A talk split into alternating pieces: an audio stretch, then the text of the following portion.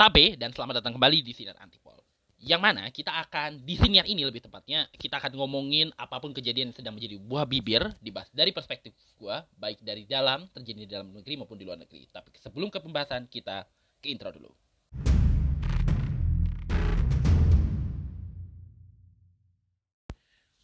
Satu hari gua berselancar eh, di Twitter.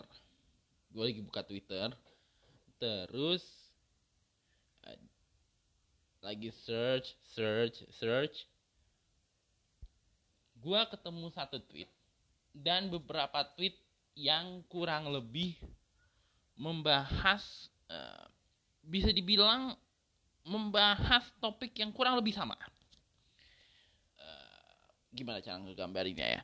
Eh, jadi intinya ada sebuah video. Video ini viral di medsos.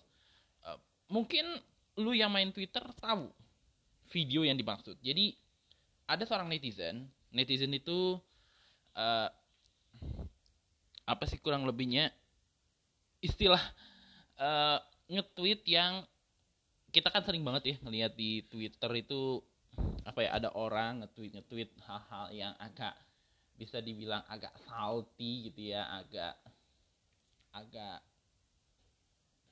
julid gitu ya kalau istilah kita. Tapi istilah modernnya tuh salty gitu ya agak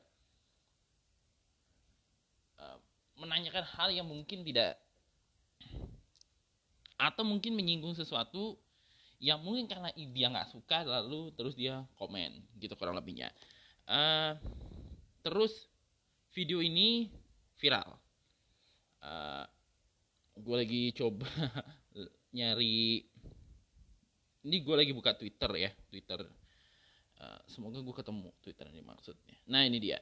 Eh, akunnya namanya subur 0204 Eh, tweetnya 17 eh, November. Eh, tweetnya ini sudah dilihat 20.000 yang retweet yang ngasih tanda suka 22.000 Eh, yang membagikan ada 4000 Terus alhamdulillah masih ada orang zaman sekarang yang otaknya masih penuh 100% seperti ini.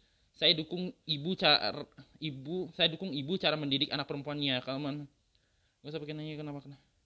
Pak, kenapa nggak usah? Cukup enggak enggak udah. Terus katanya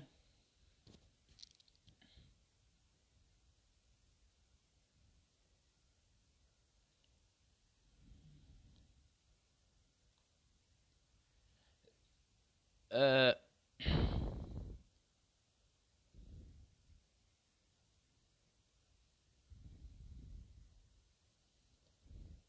Jadi jadi eh gue nggak tahu ini apakah ada di Twitter juga kah atau bagaimana. eh tapi intinya di postingan itu ada seorang ibu. eh gue nggak berani ya karena gue nggak eh, mungkin gue takut ke-trigger juga sayangnya. Eh, tapi intinya dari percakapan kan di video, eh, tapi di apa ya di watermarknya itu tertulis MC Dik namanya. MC Dik ini kemungkinan yang mana kemungkinan besar gue rasa ambil dari TikTok. Nah di video itu ada seorang ibu. Jadi ada ibu dan ada anaknya. Terus ibunya kayak ngomel-ngomel gitu. Gua nggak peduli lu, lu mau jalan sama temen lu lah, inilah itulah gitu ya. Tapi ke mana-mana mama yang harus temenin gitu kurang lebihnya. Eh, tapi sayang sekali gue nggak mau eh, dengerin. eh, mungkin lu semua udah udah sering dengerin lah gitu kurang lebihnya. Nah, tweet ini ramai dibicarakan oleh para netizen. Eh, gua akan coba lihat dari tanggapan secara kutipan kali ya, karena eh, secara kutipan dari eh,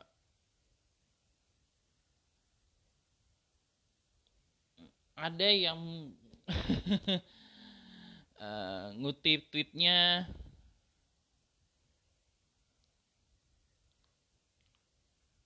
eh, ada tapi intinya ada yang menyetujui ada yang kurang setuju. Eh, terus ini ada satu tweet eh, namanya Klasi So entahlah. Tapi tapi dalam video itu bisa dibilang uh, emaknya itu mencoba memberitahu uh, si si apa ya si pengetweet ini si subur 0204 pengen ngasih tahu bahwa bahwa cara ngedidik orang tua tuh kayak gini gitu. Dan rasanya ya apa yang dilakukan ibu kepada anak ini dan gue nggak tahu apakah dia nangis atau bagaimana tapi intinya ibu ini lagi marahin anaknya. Eh, ini ini bayangan gue ya mungkin gue harus nonton full videonya ya tapi ibu ini marahin anaknya anaknya apa ya jalan ke mana-mana tapi uh, intinya apa ya kayak bahwa anak ini kayak gue gue ngegambarinnya kayak gimana? Uh, paling gampang ya uh, jadi uh, gue punya kakak gue punya kakak uh, pernah TK di Alasar daerah Kunciran di daerah rumah gue lah. Terus ada salah satu dari temannya temannya dia ini perempuan itu kan sama ibunya ya.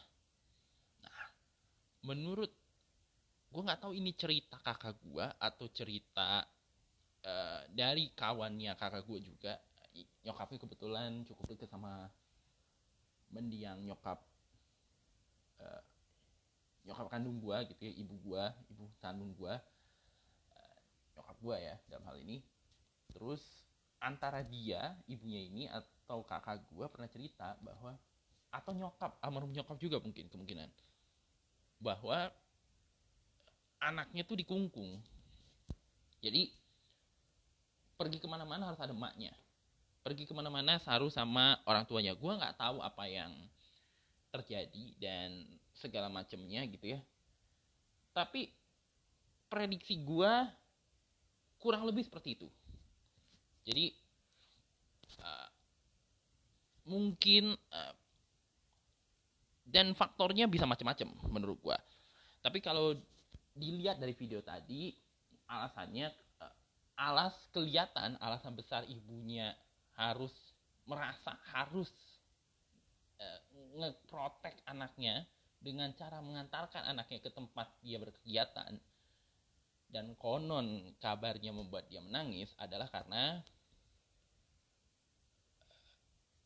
kekhawatiran terhadap apa sih istilahnya tuh kekhawatiran bahwa anaknya akan terkontaminasi pergaulan yang tidak sehat gitu kurang lebihnya. Karena kan sekarang ya terutama dari ini ini lagi lagi sering banget nih di media sosial tuh.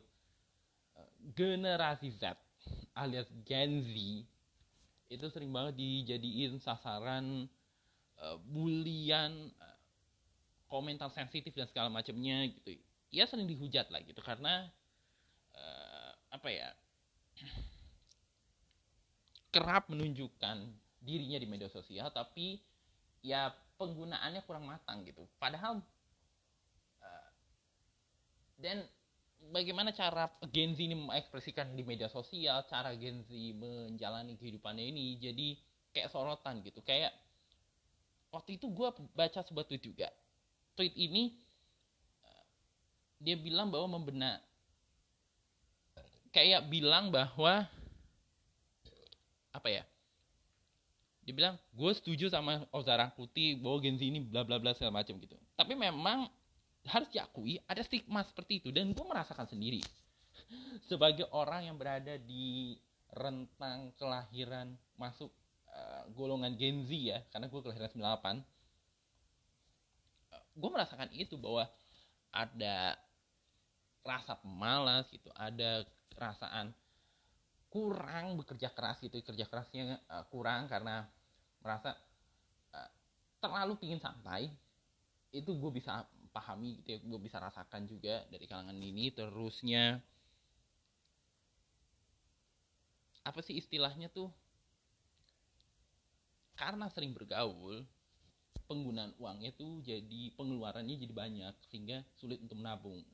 Nah itu yang uh, kayaknya coba mau disentil sama Pak Erick Thohir waktu itu ada isu soal perumahan ya. Terus kemudian dia kena fireback tapi kan itu tanggung jawab lu sebagai orang pemerintah gitu menyediakan perumahan. Bukan hanya untuk jangan hanya sekedar ngeluh Gen Z gak punya tabungan lu punya kebijakan lah gitu kurang lebihnya. Uh, jadi Gen Z ini lagi jadi uh, sasaran empuk. Nah ketika ada video ini banyak yang ngerasa bahwa orang muncul orang-orang yang bisa dibilang ya ya tipikal Pak Subur ini gitu. Bahwa anak tuh mesti dididik seperti kayak kita dulu dididik gitu. Walaupun belakangan diketahui bahwa uh, ini juga banyak dibahas juga di apa sih di uh, ada yang mengutip tweet ini kira-kira. Uh, Twitter ini kan cukup ramai ya pembahasan ini. Ya, kayak tadi gue bilang bahwa uh, ada yang sepandangan dengan apa yang disampaikan dalam video itu, tapi juga banyak yang uh, kurang setuju. Uh, istilahnya tuh kayak netizen tuh terperangah karena mengira visualisasi dalam video itu tuh nyata kayak emak-emak lagi apa sih namanya lagi ngendarain mobilnya ditemenin anaknya terus marahin anaknya. Ya, kamu harus ini kamu harus ini kamu harus ini gitu kan. Mak gak peduli kamu sama temen bla bla bla bla. Ya Fafi Waseswas ya. Tapi kamu harus mak anterin. Kamu nggak tahu yang pergaulan zaman sekarang. Kamu tahu lah jam pergaulan zaman sekarang. Ya gitu kurang lebihnya ya yang terlihat di video tersebut. Walaupun ada yang kemudian notice salah satu uh, pengguna di dalam kutipan tweetnya itu ada yang uh, istilahnya tuh notice lah bahwa ternyata dalam visualisasi videonya nih terlihat ganjil gitu karena ya gini lah kayak kalau misalnya emak-emak itu beneran marah gitu ya kan banyak yang apa ya terperangah karena memikir itu beneran kan kalau misalnya itu beneran terjadi. Ya kayaknya cukup aneh sekali cukup kurang kerjaan sekali anak-anak yang merengek gitu ya karena gak izin diizinin ibunya. Terus kemudian melampiaskan kekesalannya dengan merekam apa yang ibunya lakukan ke anak ini dan kemudian diupload. Dan tidakkah kayak istilahnya tidakkah ini apa ya tidak lebih dari sekedar konten aja gitu. Dan jadi gue nemu kebetulan. Lucunya gue nemu apa sih namanya tweet yang berpandangan demikian. Walaupun kebanyakan dari uh, publiknya sih banyak kan tertrigger ya ketrigger ya si apa sih namanya ketrigger sama uh, apa sih tweet berkenaan ya kayak si ini gue ada salah satu yang gue like nih namanya Zen RS saat anak-anak uh,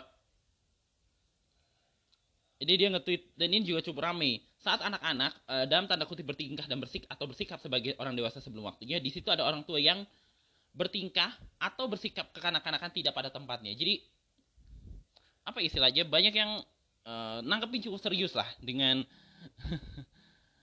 tweet uh, berkenaan termasuk si uh, apa sih namanya si si subur 0204-nya juga merasa ini beneran sehingga berpandangan demikian. Padahal uh, salah satu ada salah satu pen, uh, salah satu yang notice bahwa ini wah ini kayaknya konten banget gitu. Gak mungkin lah gitu kayak apa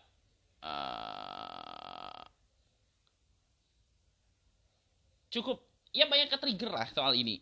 Terus di sini si ZNRS sempat ada bikin tweet panjang dengan nulis atau dalam kalimatnya Neil Postman, jangan kau cabut anakmu dari dunianya, kelak kau akan temukan orang dewasa yang kekanak-kanakan. By the way, ini buku sangat bagus sekali, esai panjang provokatif tentang sejarah konsep anak-anak. Eh, kutipan di Atlas diambil dari buku ini.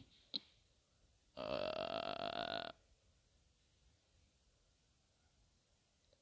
gak ada soal soal amat dengan konservatif atau bukan dalam mendidik anak yang paling problematik adalah dari klip ibu ini adalah dia kekanak-kanakan. Wis we kok menjelaskan atau berargumen aja kagak ada atau mau gitu.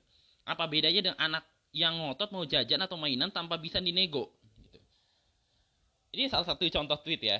Walaupun di bagian yang lain banyak yang notice juga bahwa ini sebenarnya settingan gitu. Kayak ah ini bukan beneran gitu. Kayak uh, ibunya marah-marah itu ya logikanya adalah uh, secara logisnya kalau apa ya kalau dimarahin emak atau dimarahin bapak gitu ya karena kelakuan kita yang dianggap tidak uh, di mata dia atau di dalam perspektif dia tidak uh, memenuhi apa yang dia inginkan uh, harusnya dengerin gitu loh orang gua apa ya istilahnya ditegur gitu atau di ini, ini dinasehatin pun ya gua nggak lagi main HP nggak lagi apa-apa misalnya ya sama orang tua gue ya. Terutama sama bokap. Nggak pernah tuh gue main komunikasi setahu gue ya gue nggak pernah main komunikasi gitu. Nggak pernah uh, ngerekam bokap gue lagi atau nyokap gitu ya. Almarhum nyokap marah-marah gitu atau misalnya negur keras gitu atau nasehatin dengan nada yang tinggi gitu dengan sambil direkam di nasihat lu dengerin nasihatnya sambil ngerekam. Yang berarti kita bisa berkesimpulan atau kita bisa mengambil pandangan gitu ya eh, bahwa sebenarnya boleh jadi ini boleh jadi ya boleh jadi benar boleh jadi salah eh, si anak ini eh, ketika ngerekam video yang kemungkinan ini kayak diambil dari TikTok atau apa sebenarnya mau mungkin emaknya ini bisa dibilang baik lah gitu. Uh, mungkin emaknya ini nggak ada maksud jahat mungkin karena mungkin kan gitu ya uh, bahwa kadang-kadang ini gue sering denger di sini ya bahwa kadang-kadang orang tua kita tuh uh, kebanyakan ya orang-orang tua kita ada yang memang ti yang lahir di zaman yang yang lahir ketika uh, orang tua mereka uh, hidup di zaman di mana cara-cara uh, yang agak keras seperti yang dicontohkan dalam video itu terjadi. Uh, mencoba mendidik dengan cara yang mereka terima dulu kepada anak-anak yang jelas-jelas uh, kebanyakannya lahir di zaman yang berbeda. Dan mungkin emaknya ini karena tahu anak-anak ini boleh jadi uh, teredukasi sebenarnya ini bagian dari edukasi gitu ya uh, cuma nampaknya oleh beberapa netizen nih ditangkapnya lain. Yaitu tadi masalah kesimpulan utuh atas informasi yang sebagian gitu. Dan nyatanya banyak yang notice bahwa itu sebenarnya eh, mungkin si emak-emaknya itu juga ber, gak bermasuk marah-marah. Mungkin dia mencoba apa ya boleh jadi menyentil boleh jadi menyindir gitu. Menyindir sebagian daripada orang tua orang tua dari generasinya dia yang masih mem, apa ya mendidik anaknya bahkan dalam usia dewasa atau istilahnya menasehati gitu atau memberikan contoh komunikasi yang kurang baik gitu. Karena memang harus diakui problema uh, diskursus mengenai parenting zaman dulu cara uh, atau cara orang tua mendidik zaman dulu dengan zaman sekarang tuh memang beda banget. Dan uh, bisa dibilang ada sebenarnya nggak semuanya juga seperti itu ya. Uh, tapi memang harus diakui generalisirnya memang seperti itu.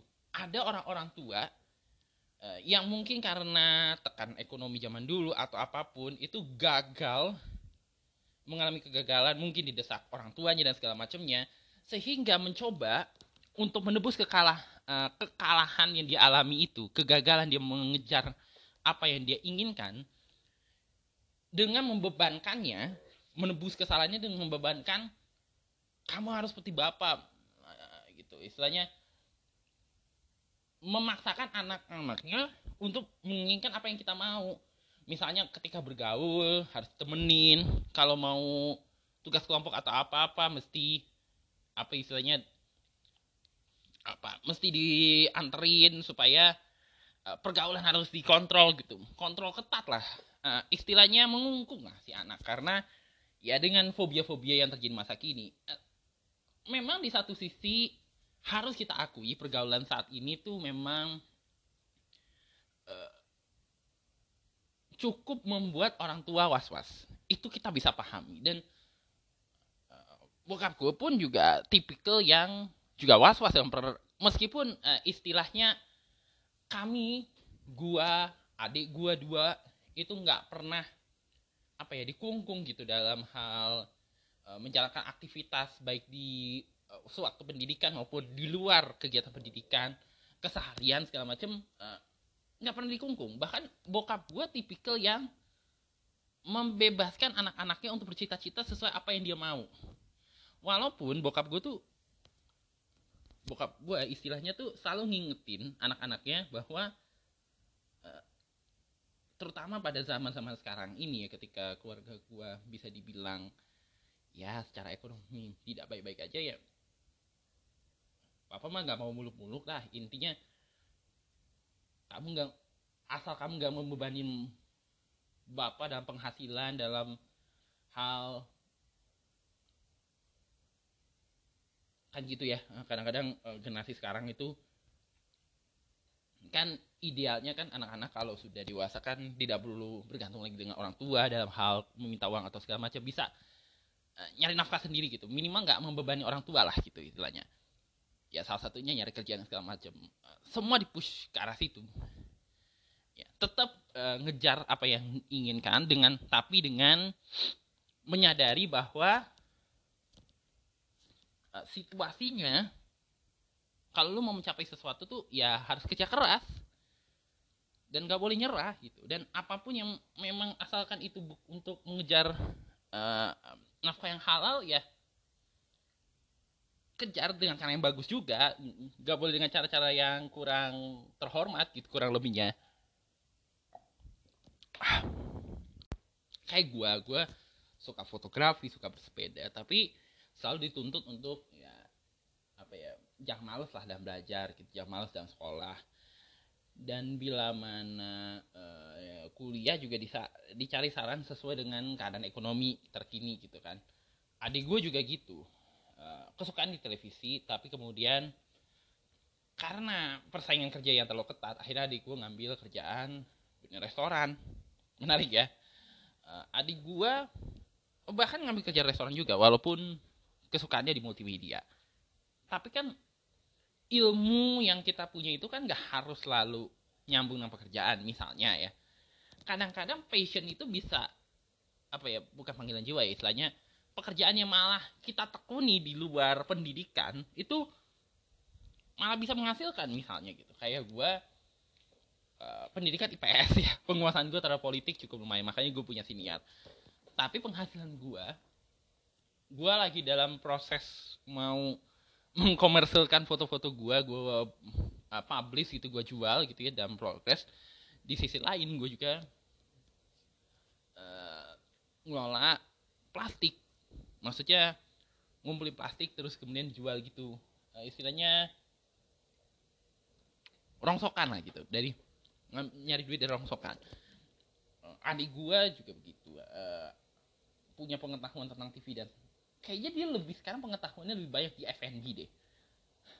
Sedangkan adik gue yang satu lagi itu dia memang IT dan multimedia dan pemahaman terhadap telekomunikasinya bisa dibilang paling baik. Lebih bagus dari gue bahkan kalau soal HP misalnya. Eh, pengetahuan dia terhadap pengelolaan uh, seluler mungkin lebih baik dari gue justru terhadap HP ya. Tapi kerjanya di FNB yang ya itu tadi tujuannya adalah untuk memang kadang-kadang anak-anak tuh memang harus dibiasakan melakukan sesuatu. Ini bagian dari uh, parenting juga. Dibiasakan untuk melakukan sesuatu yang mungkin uh, kita nggak suka mungkin dia nggak suka dan nggak minat. Ada orang yang suka banget mempelajari misalnya ya, mempelajari JKT48 walaupun dia nggak unggul-unggul amat di pendidikan. Atau misalnya ada yang suka MU karena memang minatnya ke situ. Jadi belajar berdasarkan minat gitu kurang lebihnya. Dan cara dan di sini memang pentingnya peran orang tua gitu. Dalam uh, di satu sisi uh, melihat generasi Z yang sekarang. Ini Gen Z terus anak-anak gitu yang mungkin cara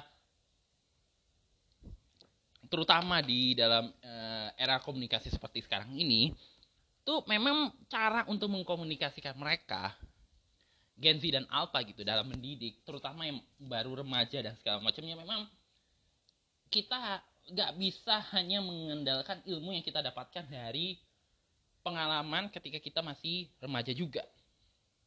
Karena boleh jadi ilmu yang kita terima uh, didikan yang diterima orang tua kita baik lembut ataupun keras di masa lalu bung boleh jadi ada yang masih uh, mungkin diterapkan di masa kini tapi ada juga yang nggak bisa diterapkan di zaman sekarang. Uh, karena ya zamannya beda gitu. Gue nggak tau kenapa gara-gara kejadian ini terus gue terlewat FYP TikTok. Gue nggak tahu algoritma atau gimana menjalankannya gue ketemu uh, jadi itu ada video seminar. Nah salah satu dari narasumbernya ini ini cukup menarik uh, sering jadi kontroversi uh, komika kontroversial pernah berurusan dengan barang jada tapi pemahaman dia uh, terhadap bagaimana anak bagaimana pendidikan orang tua menurut gue penting cukup menarik dia tuh menganalogikan hubungan orang tua dan anak itu dan cara uh, ortu dan anak itu seperti HP HP itu kalau di upgrade kalau bisa di upgrade terus orang tua kita dan orang tua yang mendidik orang tua kita adalah upgrade terakhir dari generasinya. Dia ini bisa dibilang uh, updatean terakhir dari uh, orang terbaik di generasinya gitu, di angkatannya, di generasinya. Jadi ini upgrade paling terakhir lagi. Istilahnya tuh kayak setelah upgrade Windows itu kan selalu berganti-ganti ya. Kalau kita mau analogikan Windows, Windows, Windows ini apa namanya mesinnya Microsoft itu 14 seri berseri-seri kan nih dari Windows A, Windows 10, 12, 14, uh, Windows Excel, apa sih namanya tuh, Windows XP segala macem. Cara Windows XP me menerima uh, produkan masa kini gitu ya, uh, fitur masa kini dengan cara misalnya Windows terbaru menerima uh, fitur masa kini itu pasti beda banget gitu. Di mana ada kalau di Windows lama kita bisa uh, ketemu permainan kartu remi di Windows yang sekarang kita harus download download dulu kalau mau fitur itu tersedia di uh, di komputer atau di laptop laptop itu notebooknya gitu ya. Uh, laptop aja lah biar gampang ya. Nah kalau HP sam kalau dianalogikan kayak HP uh, gak kira HP apa pun ya Samsung Xiaomi uh, Apple atau iPhone ya ataupun Oppo, Vivo ada upgradean uh, HP Nokia orang tua itu bisa diistilahkan kayak HP HP zaman dulu Ericsson, Nokia dan segala macamnya atau Samsung uh, touchscreen generasi awal diban Samsung touchscreen generasi awal dibandingkan dengan misalnya Samsung yang terbaru Galaxy itu A05 gitu ya paling murahnya itu pasti updateannya udah beda yang touchscreen awal mungkin udah nggak bisa nggak bisa upgrade Instagram ataupun uh, Instagram terbaru. Kalau yang ini mungkin Instagram terbaru bisa diupgrade gitu. Jangankan itu, Trace aja mungkin nggak bisa diupgrade di touch uh, Samsung Galaxy yang generasi lama gitu. Generasi baru bisa. Bahkan ada beberapa jenis HP yang sekarang udah nggak bisa mengupgrade WhatsApp terbaru. Ya tentu karena alasan keamanan dan segala macam ya. Maksudnya kalau kita mau menganalogikan ya cara uh, eh, HP Nokia atau cara Galaxy generasi lama bekerja dengan cara Galaxy bekerja zaman sekarang, zaman dulu dan zaman sekarang itu beda sekali. Uh, upgrade yang berarti ilmu yang dia dapatkan gitu tentang parenting dan segala macamnya mungkin berbeda gitu. Yang berarti ada potensi konflik video tadi sebenarnya mau menunjukkan potensi konflik itu tadi bahwa ada orang tua yang sebenarnya mau menunjukkan bahwa mungkin si kreator ini mau menunjukkan bagaimana contoh persinggungan yang tidak sinkron gitu antara generasi kini dengan generasi sekarang dulu.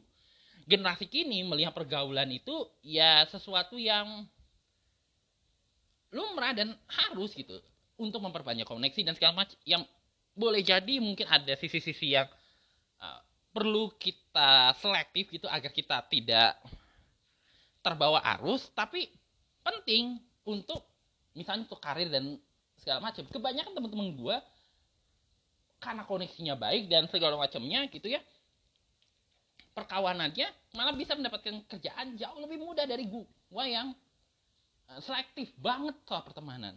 Yang harus diakui jadi salah satu alasan ya hanya dekat dengan beberapa orang dan yang harus diakui oleh diri gue sendiri itu menjadi alasan gue jadi agak kesulitan ke harus misalnya mencari pekerjaan gitu. Karena pasti mereka mau bantu kita kan kalau misalnya misalnya mau cari pekerjaan atau cari kerjaan yang sesuai dengan mungkin dia punya kenalan atau connection di situ. Uh, bukan bermak tapi juga dengan proses yang baik ya.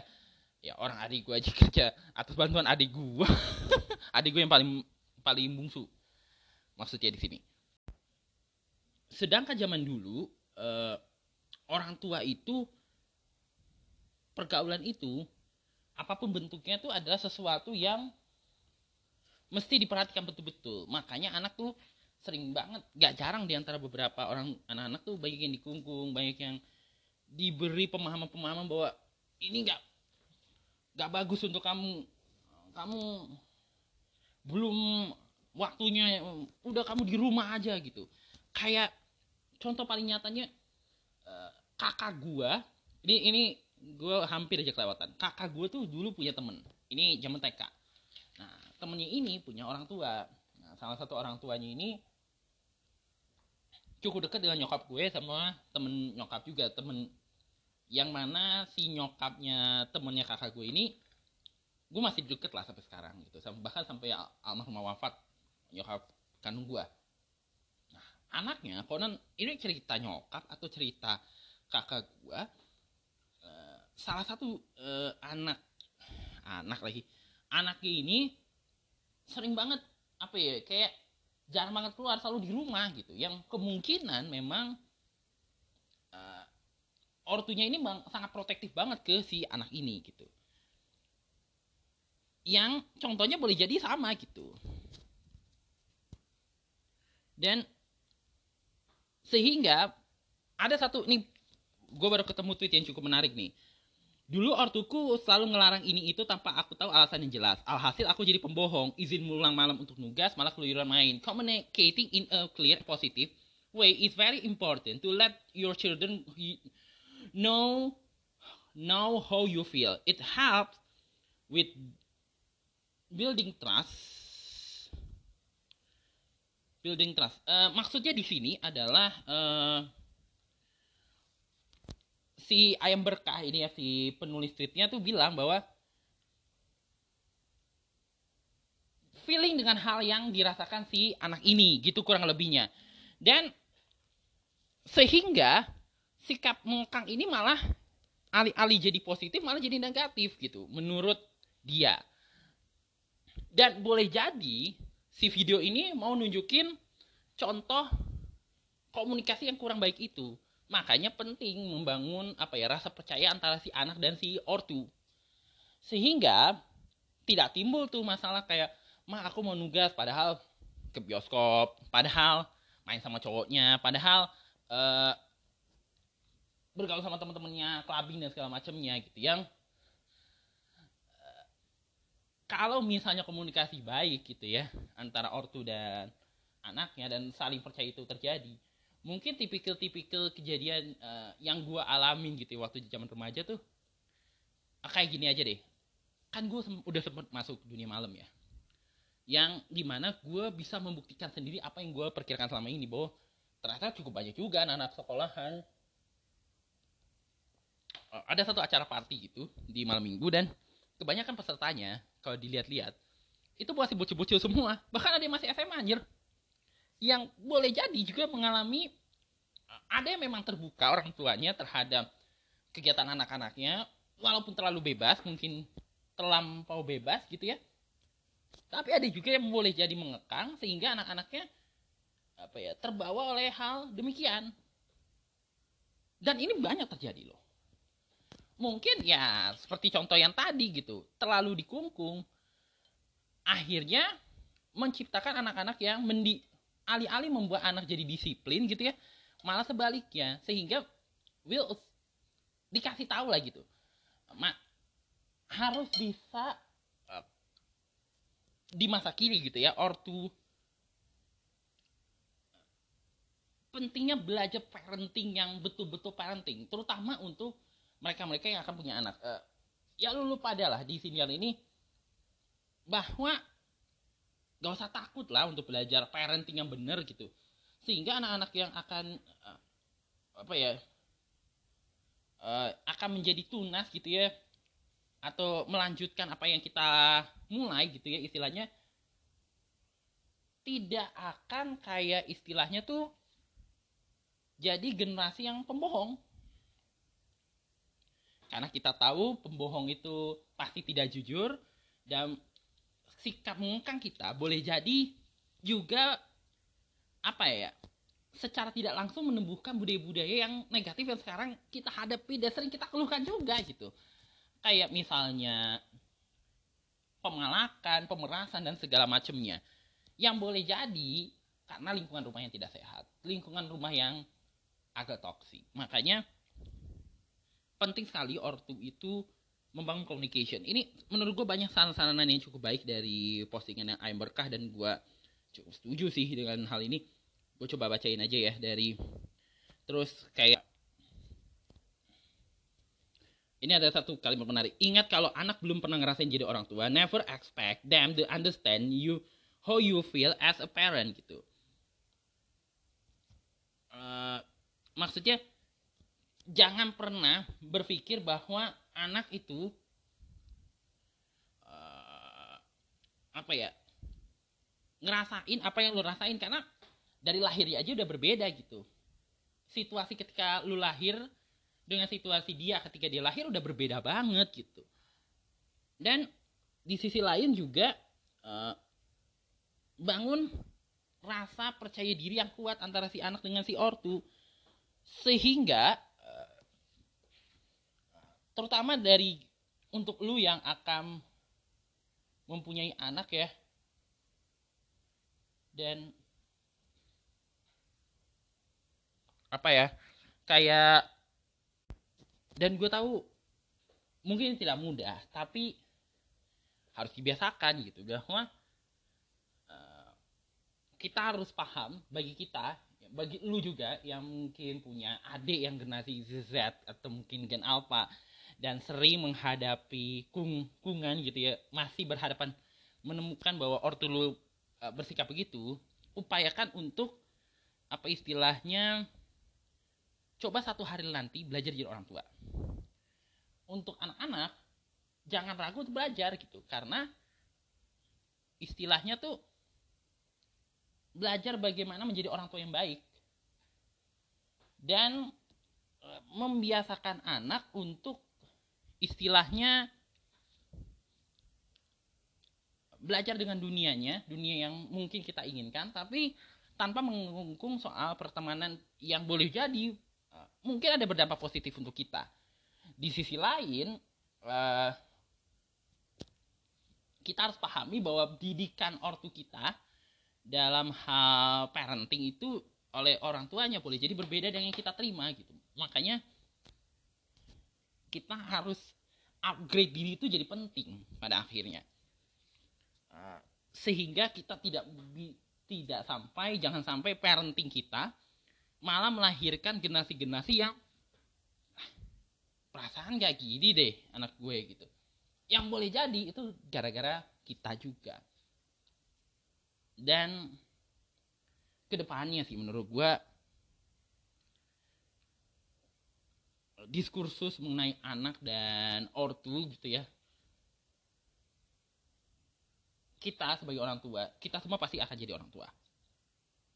Jangan ragu untuk belajar parenting bahkan sebelum kita menikah.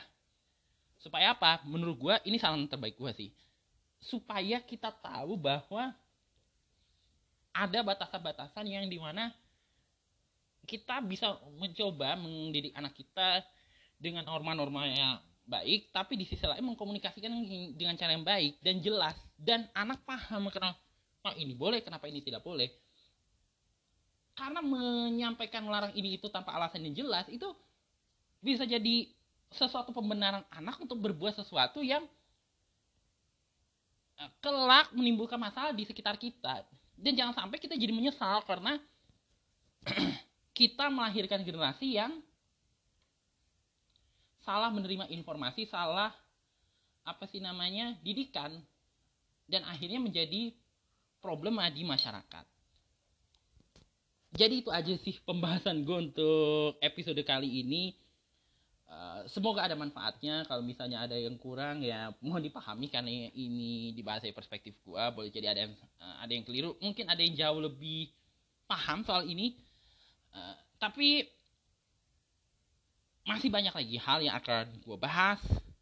Uh, nantikan pembahasan-pembahasan yang lebih banyak lagi akan topik-topik men lebih menarik lagi yang akan dibahas gua dari perspektif gua tentunya di sinar antipol new era